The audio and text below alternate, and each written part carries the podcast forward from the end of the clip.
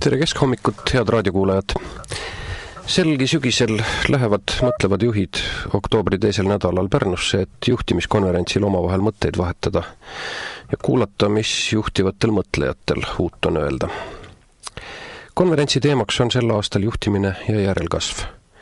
räägitakse sellest, et inimesi on vähe ja kõigile neid ei jätku. et sõda talentide pärast käib ülemaailmselt ja et Eesti ei ole siin erand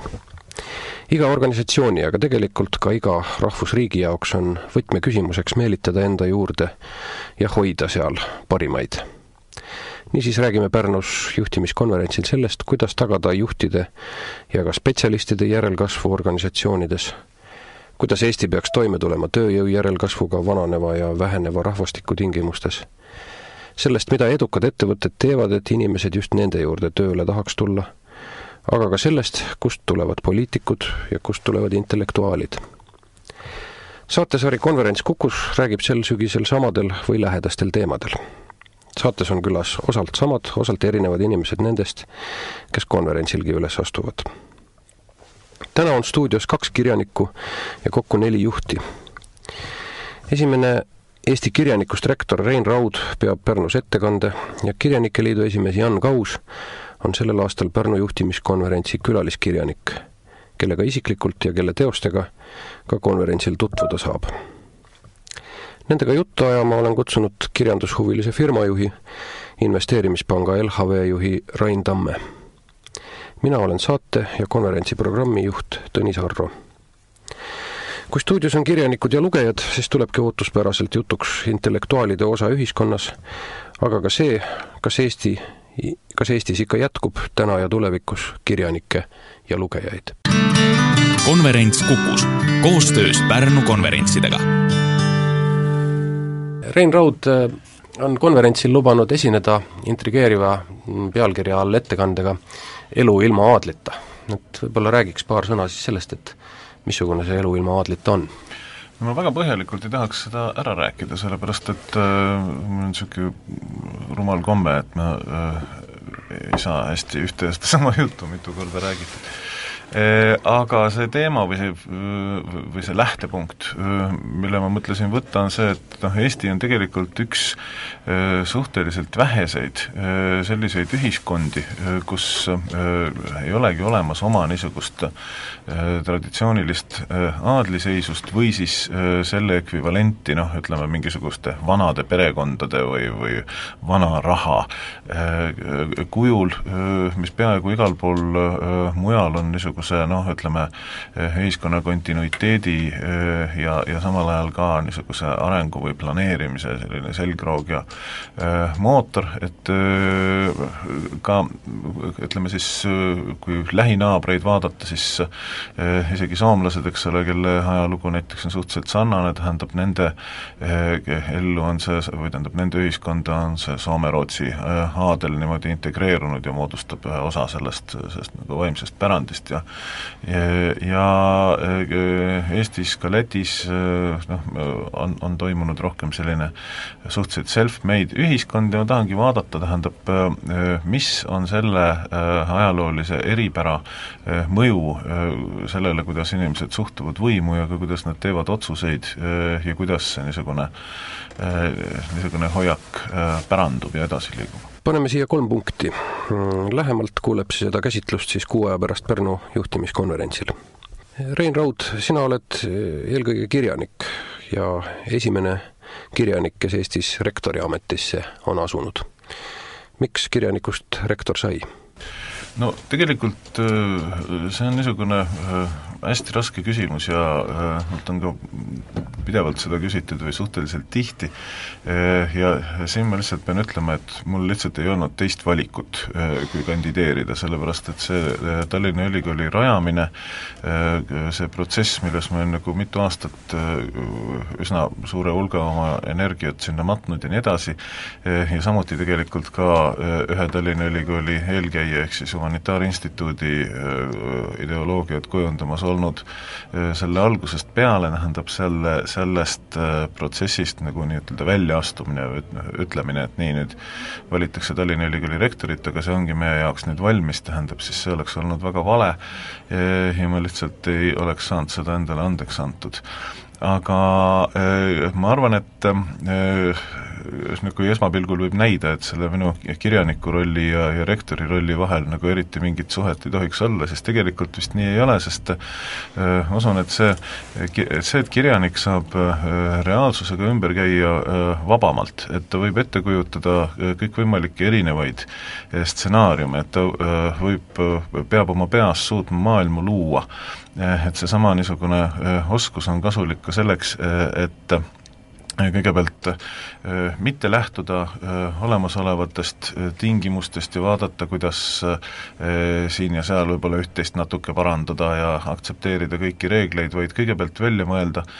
milline peaks olema see ideaal, mille poole me peaksime püüdlema, ja siis iga oma liigutust, iga oma pisikest otsust kaaluda kõigepealt selle ideaali vaatepunktist lähtudes. aga ma arvan, et tegelikult vist ka nagu ülemaailmses juhtimisteoorias Aasias on äh, sarnane printsiip omaks võetud, nii et äh, ei ole ka mingit imet, et äh, noh, näiteks mõnedes riikides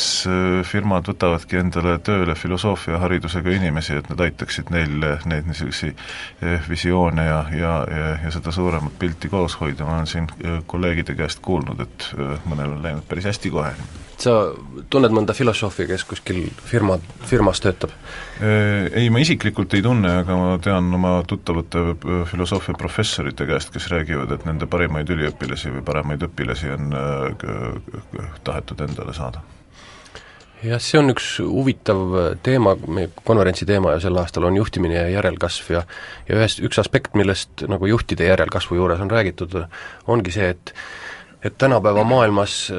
ilmselt ja tulevikumaailmas võib-olla seda enam ei rahulda enam äh, niisugune standardharidus, mida annab äh, ärijuhtimise magistriõpe, kus kõik õpivad nende samade case'ide järgi, mis kunagi Harvardi ülikooli ärikoolis on välja töötatud. et, et kuna, kuna elu muutub nii kiiresti, et siis on vaja võib-olla teistsuguseid juhte ja, ja see, et, et firmade juhtkondadesse tuuakse hoopis teise ala inimesi, võib-olla just mitte majandusinimesi, vaid, vaid pigem humanitaartausta või filosoofia taustaga inimesi. Rain, kuidas see sulle tundub, sina oled ju, ju ka niisugune äriinimene, kes on, kes on suhteliselt suurte humanitaarsete huvidega. Loeb raamatuid ja, ja oled ka Humanitaarinstituudis õppinud sel ajal, kui, kui sa juba olid äris väga aktiivselt tegel-, tegev? Kui eh, selle juhtimise poole pealt või milliseid inimesi on juhtimise juures eh, vaja, noh kas siis filosoofe või siis eh, ma-, majandusmagistrikraadiga inimesed, siis no eks ole igasuguseid vaja. ja, ja selline diversifitseeritus või et erinevate inimeste erinevad mõtted või ka erineva taustaga eri,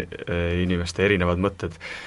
ja erineva noh, karakteriga inimesed, eks nad üksteist kindlasti täiendavad, et noh, mida ettevõtete juhtimise juures kindlasti vaja on, noh seal on kaks eh, omavahel üsna vastuolulist poolt, et üks on selline stabiilsuse hoidmine, ehk siis et need asjad, mis hästi toimivad, peavadki toimima nagu hästi õlitatud masinavärk, ja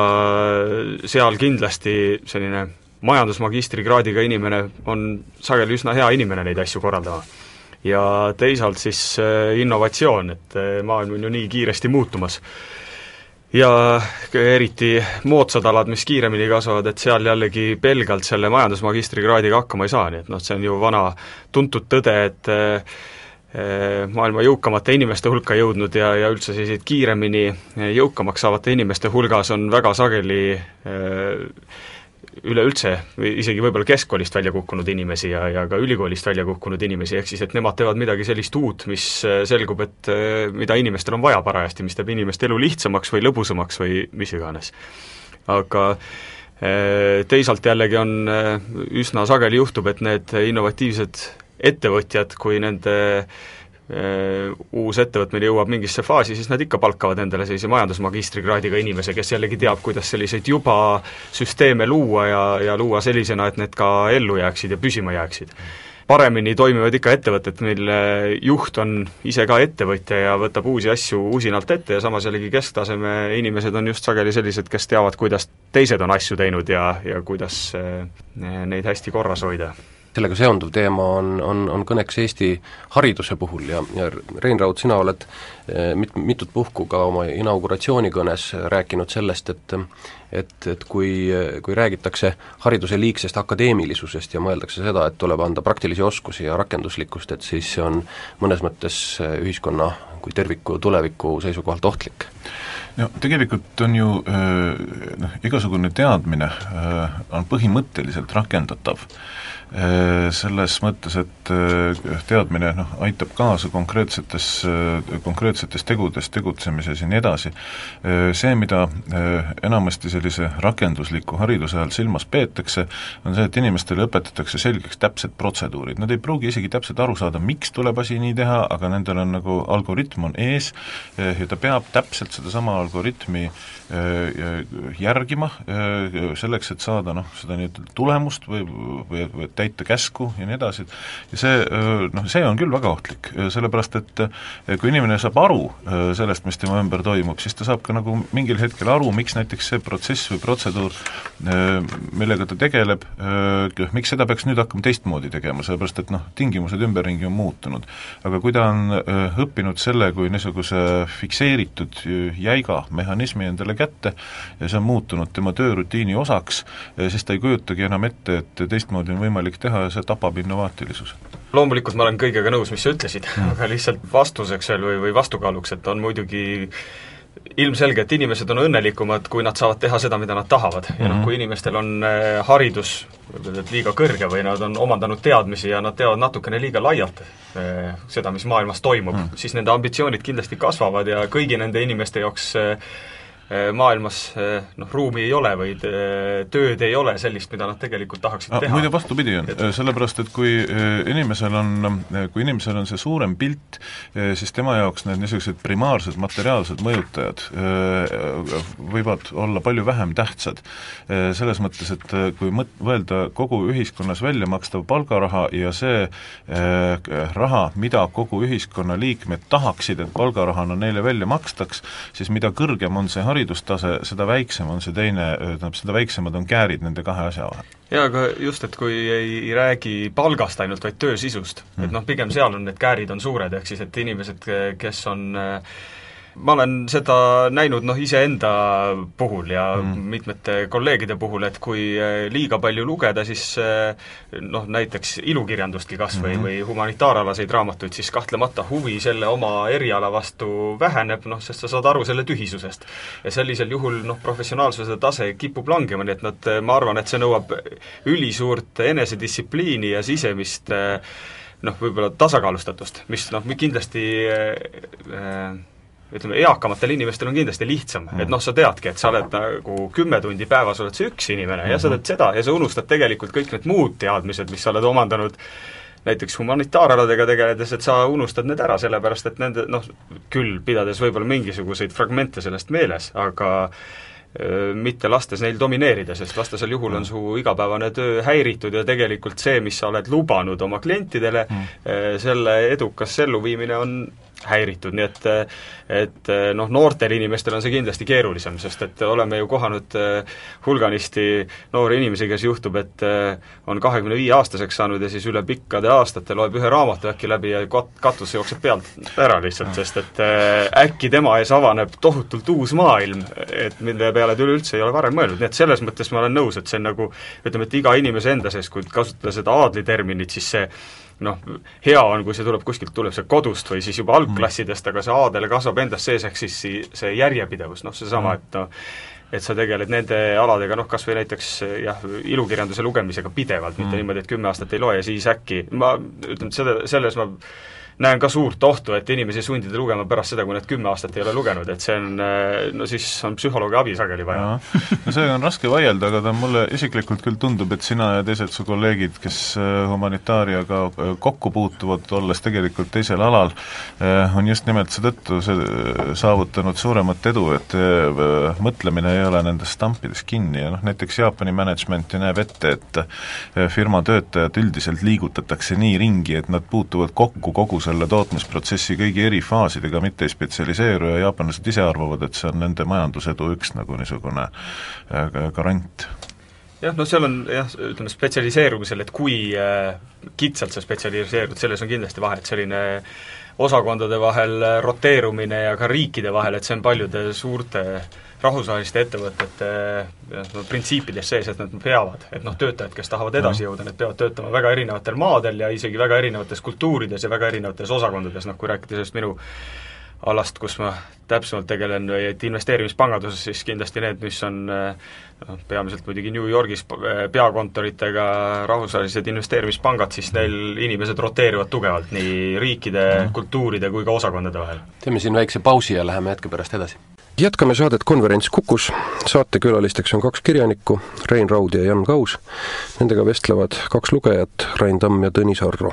nagu arvata võib, on jutt läinud kirjandusele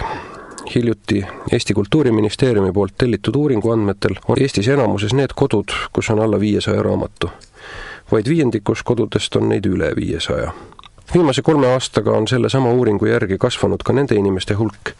kes ei ole aasta jooksul lugenud ühtegi raamatut ja nende kodude hulk, kus raamatuid alla saja mis sa, Jaan, sellest arvad? ma teeks paranduse, tegelikult on siin stuudios neli lugejat. jah, ma just sedasama mõtlesin. et äh, see, et ma olen kirjanik neli kirjanikku ka, siis äh, paneme teiselt poolt vastu. noh, mis puudutab seda uuringut, siis äh, esimene probleem siin on kohe see, et, et kirjanduse mõju ei avaldu ainult lugemise kaudu. tähendab, kaasaegse kirjanduse, Eesti kirjanduse mõju on tegelikult palju laiem. kui me vaatame, et circa veerand inimestest noh, ütleme, loeb vähekene tihemalt siis see ei tähenda, et, et seesama veerand tarbib eesti kirjandust ja siit tuleb piir vastu, rohkem ei ole. et võib-olla siis on mõni protsent veel neid, kes on lugenud Kaur Kenderi Pangapettust ja, ja Jokk. et noh, näiteks sellise näite võin tuua, et et Eesti teater, mida ju tegelikult väga hinnatakse, mis arvatavasti sellistest loomingulistest praktikatest on Eestis praegu kõige populaarsem ja mis publiku puuduse üle küll ei saa äh, kurta või, või publiku huvi puudumise üle ei saa kurta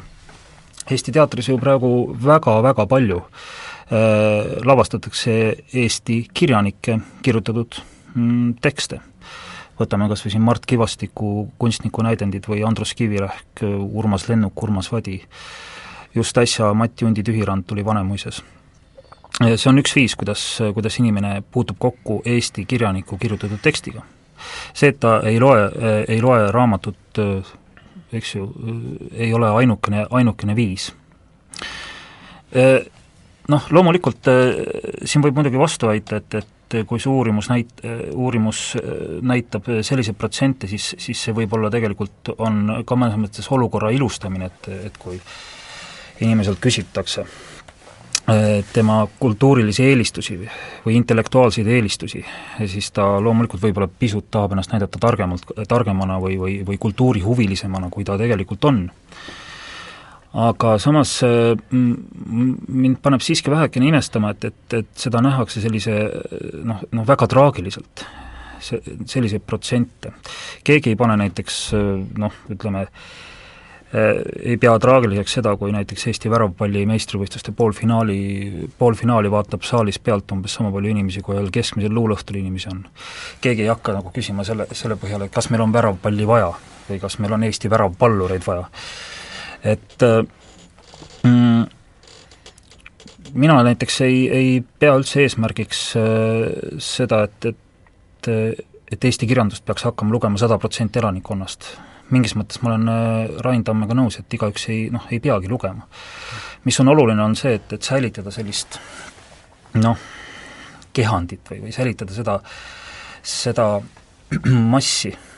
vabandust väljenduse eest, kes, kes siis loeks eesti kirjandust või kes tegeleks sellega ja see mass on olemas, see järelkasv on tulemas selles mõttes, et kui me vaatame näiteks praegu äh, noh, ilmselgeid fakte, et näiteks Eesti lastekirjandus on ikkagi väga tugeval järjel, on tulnud juurde kirjanikke, mis tähendab seda, et siis neid kirjanikke on vaja, keegi neid kirjanikke loeb, keegi nende kirjanike raamatuid ostab. ajakirja Täheke tiraaž on väga tugevalt tõusnud kusjuures. Eh, noorteajakiri Värske Rõhk, mm, noh, on ilmunud, ilmunud üle kahe numbri, on ilmunud juba kümmekond numbrit, ühesõnaga asi ikkagi mingi, mingi piirini toimib, et, et mina ei näeks seda asja nii pessimistlikult, loomulikult ma ei taha öelda, et, et siin ei ole midagi vaja parandada. selge see, et on vaja parandada ja on vaja propageerida võib-olla isegi mitte niivõrd palju kirjandust, kuivõrd just lugemist minu jaoks nagu üks probleem on see, et Eesti ühiskond on struktureeritud selliselt, et inimene, kellel nagu öö, mingisuguses teises keskkonnas öö, võiks öö, areneda lugemishuvi ja te tekkida lugemisharjumused ja nii edasi, tihti lihtsalt seetõttu, et ta on sündinud kuskile, on selle, sellest keskkonnast ära lõigatud. et öö, näiteks kui jällegi võrrelda niisuguse mõnede paremal järjel naaberriikide elukorraldust, just siis see, kuidas raamatukogude võrgustik eh, garanteerib selle, et eh, kirjandus on sulle kättesaadav, et ta on sul lähedal. Eh, nagu on, on üks selline faktor, et ka noh, mingisuguses väikeses linnas või suhteliselt kaugel kõikvõimalikest keskustest pääsed raamatule juurde. aga meil on ikkagi paraku nii, et on ka selliseid kohti, selliseid asulaid, kus nagu tegelikkusest lahkumiseks nagu peale alkoholi eriti midagi nagu muid variante ei olegi. Televiisor, televiisor. televiisor, jah. noh, tegelikult äh, ma ise olen äh, oma ameti tõttu väga palju Eesti väiksemates raamatukogudes ringi rännanud ja noh, siin tuleb tegelikult tunnistada, et, et mõningates kohtades on ikkagi väga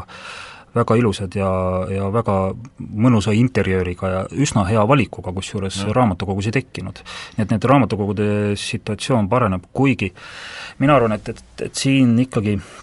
no ma ei tahaks loopida kive Eesti riigi kapsaaeda, noh see, seda on kõige lihtsam teha, aga ütleme, et praegu meil on küll äh, kultuuriministriga selles mõttes äh, loodetavasti viljakas koostöö, et, et äh, ministeerium hakkab, hakkab mingis mõttes sekkuma raamatukogude komplekteerimisse.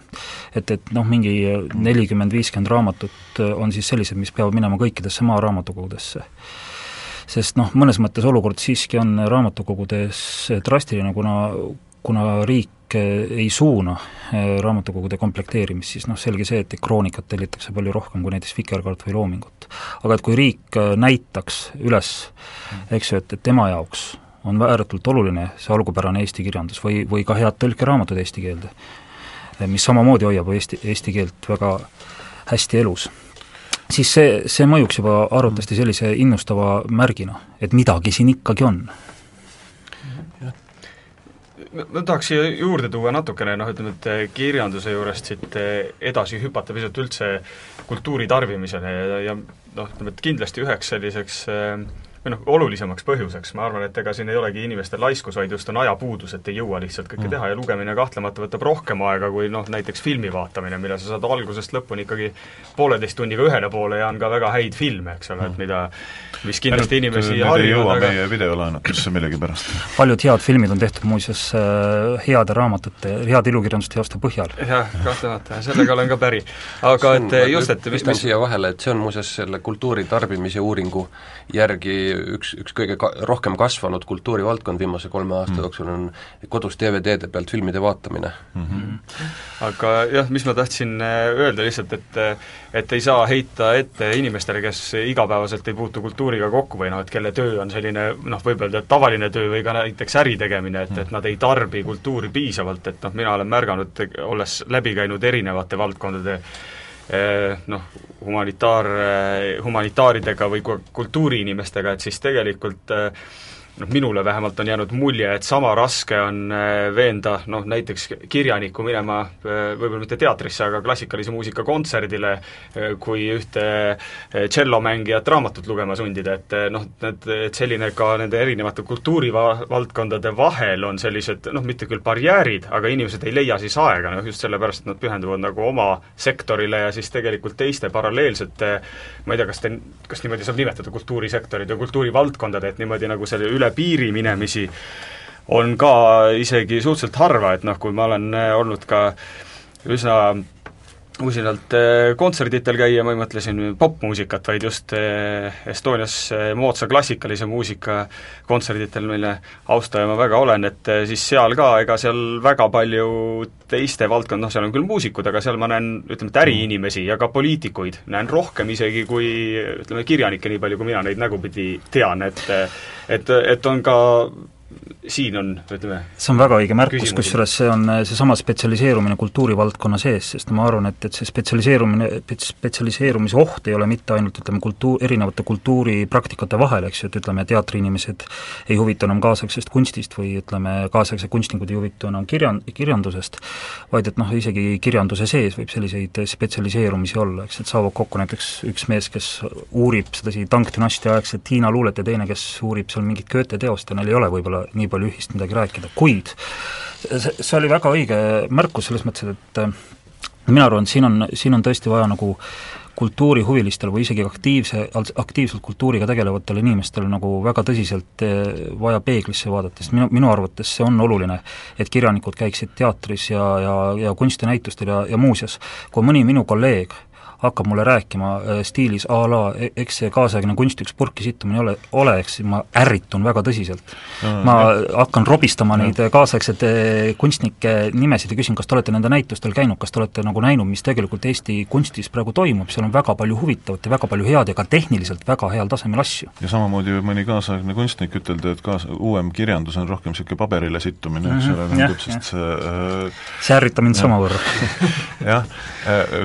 tegelikult kunstinäitused on kriteerium, sellepärast et äh, nemad on meil enamasti tasuta. Ma oletan, et äh, mõningatele kontsertidele äh, lihtsalt inimesed ei jaksa minna, sellepärast et äh, nende piletid on äh, kallid ja kui sa raamatu ostad, siis seda ühte raamatut äh, võib läbi lugeda kogu su pere ja äh, laenad veel sõpradele ka, eks ole, jääb veel alles, loed pärast teistki korda, aga kontsert, mille pilet on kallim, on noh, ühekordne sündmus noh, ütleme DVD-d eh, hea muusikaga või, või ka CD-d hea muusikaga maksavad umbes sama palju kui üks hea raamat. noh, ütleme suurusjärk on sama mm, -hmm. nii et ja. ega nende plaatide läbimüük ei ole ka teab mis suur, noh ma ei tea küll statistikat, aga mm. aga ma millegipärast ei usu, et neid müüdaks siin rohkem kui häid raamatuid no ma tahtsin tegelikult veel vähekene kommenteerida seda väga huvitavat äh, ajanappuse teemat, Marek Tamm ütles Postimehes siin paar nädalat tagasi, kui jälle seesama teema esil oli, et, et see on teatud sorti eufemism. ja noh, tegelikult äh, mingil moel on tal õigus, sest ka minul ei ole tegelikult aega lugeda.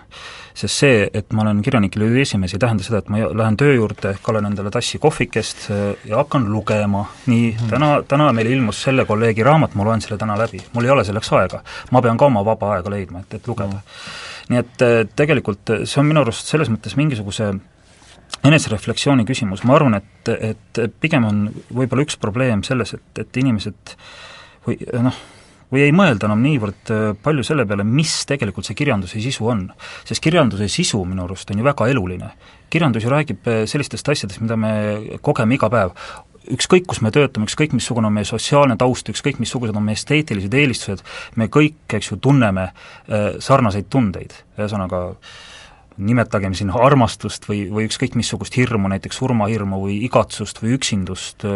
soovi vastanduda, soovi ennast mõistetavaks teha ja head kirjandusteosed kõik räägivad sellistest asjadest. loomulikult head filmid räägivad ka sellest, nendest asjadest ja ma olen selles suhtes täiesti, täiesti nõus, et, et seda ajalist aspekti silmas pidades on loomulikult filmi vaatamine palju parem, ma näiteks praegu loen Robert Musili Omadusteta meest, mille tõlkis Mati Sirkel, mis on teatavasti kuskil ligi kaks tuhat lehekülge. Ja näiteks eile õhtul mõtlesin, et võiks hakata lugema lugema. mõtlesin, et ei, ma vaatan parem ühe filmi. aga muide, siin on teine asi veel, tähendab filmi vaatamine ja, ja raamatu lugemine on nagu erineva noh, ütleme siis nagu ressursimahuga tegevused, sellepärast et filmi vaadates võid sa noh, film, see, see kuidagi tuleb lihtsamini kätte, tähendab, ka sa võid, su, su keskendumisvõime hälbib mõneks hetkeks,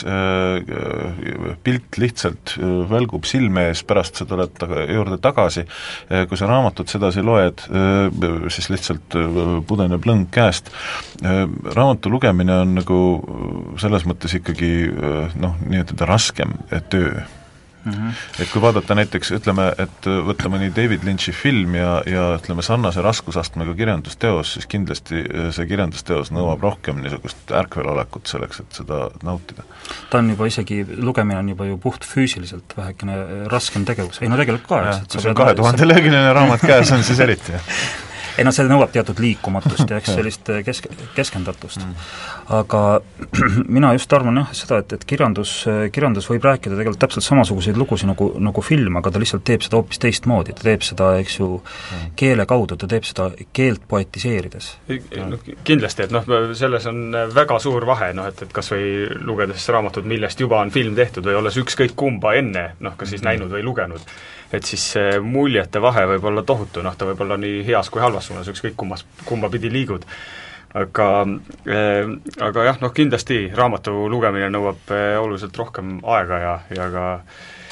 ja ka just füüsilist pingutust. teeme siinkohal väikse, väikse pausi jälle. jätkame konverentsisaadet. stuudios on Rein Raud, Jan Kauss ja Rain Tamm.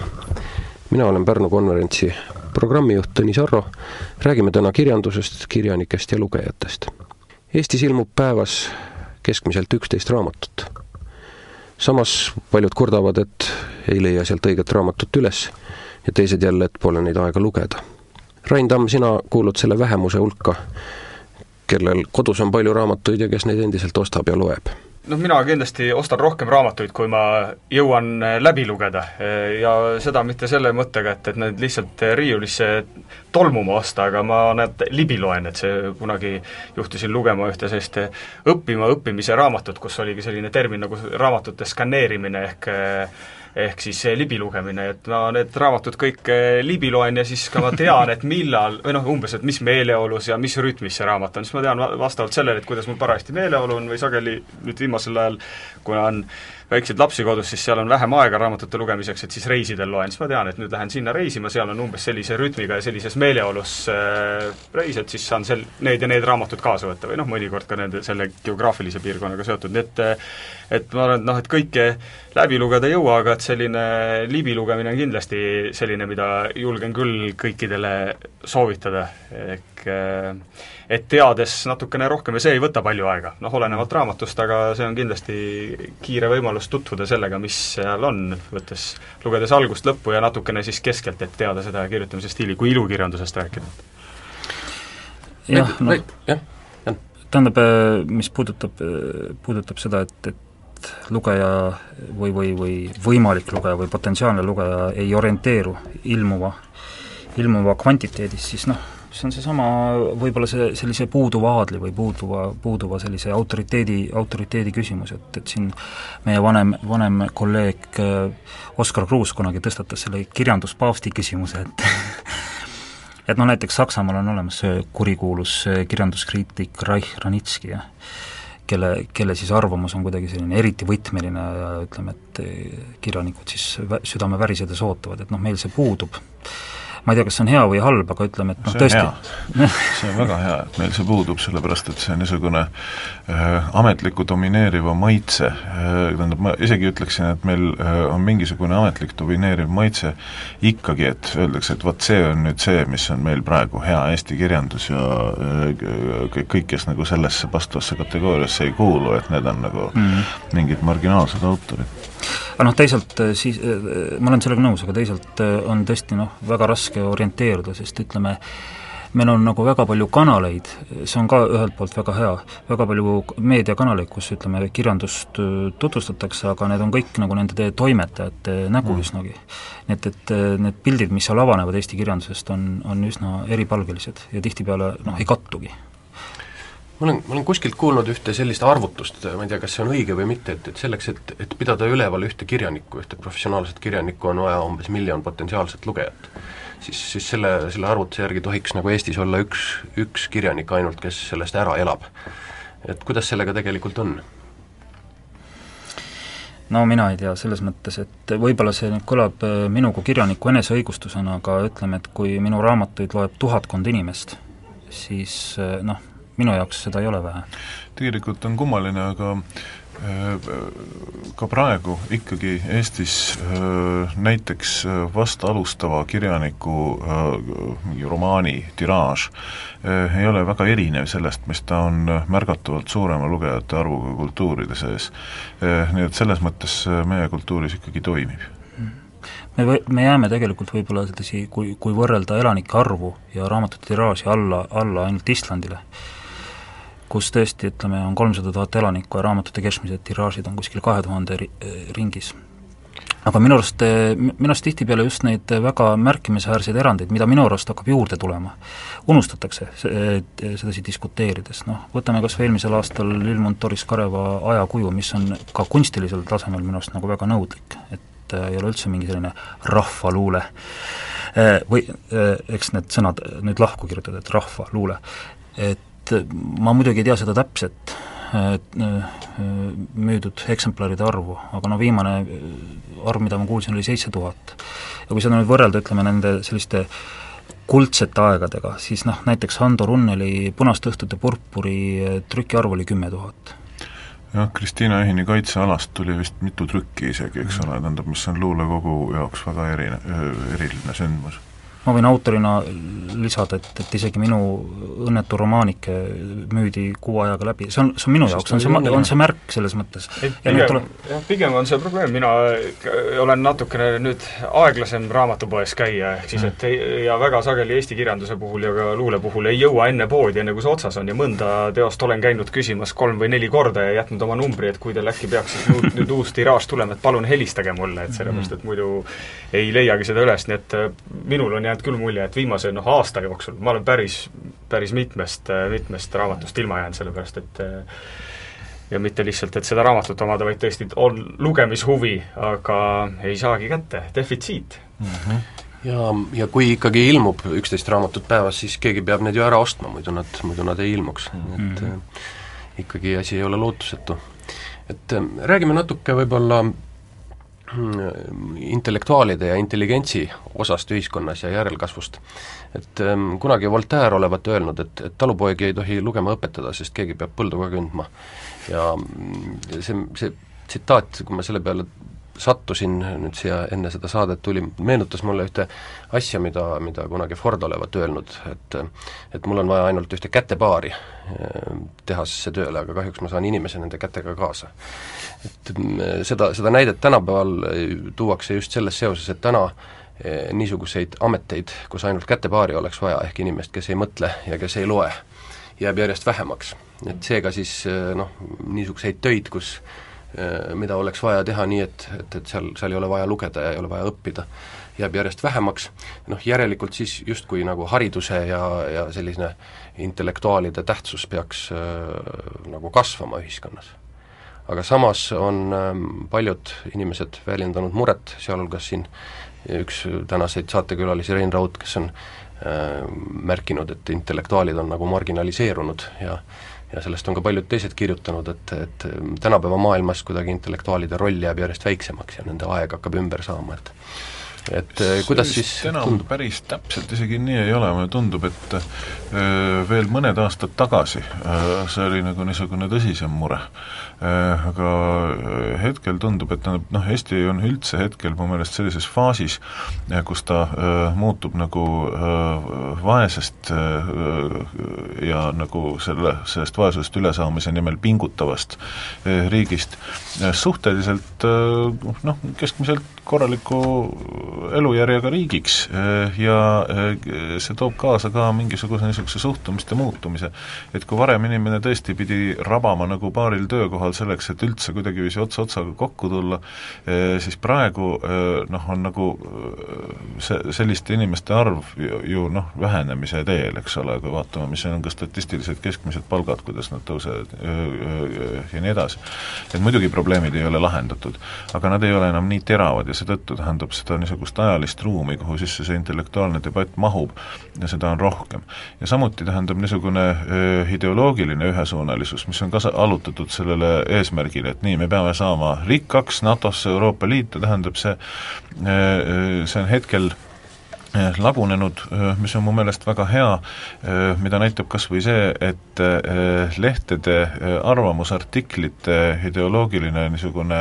jaotus on märgatavalt suurem, see tähendab, enam ei ole niisugust asja, et kellelgi oleks nagu piinlik kirjutada näiteks kriitilist artiklit mingi poliitilise suuna kohta, seepärast et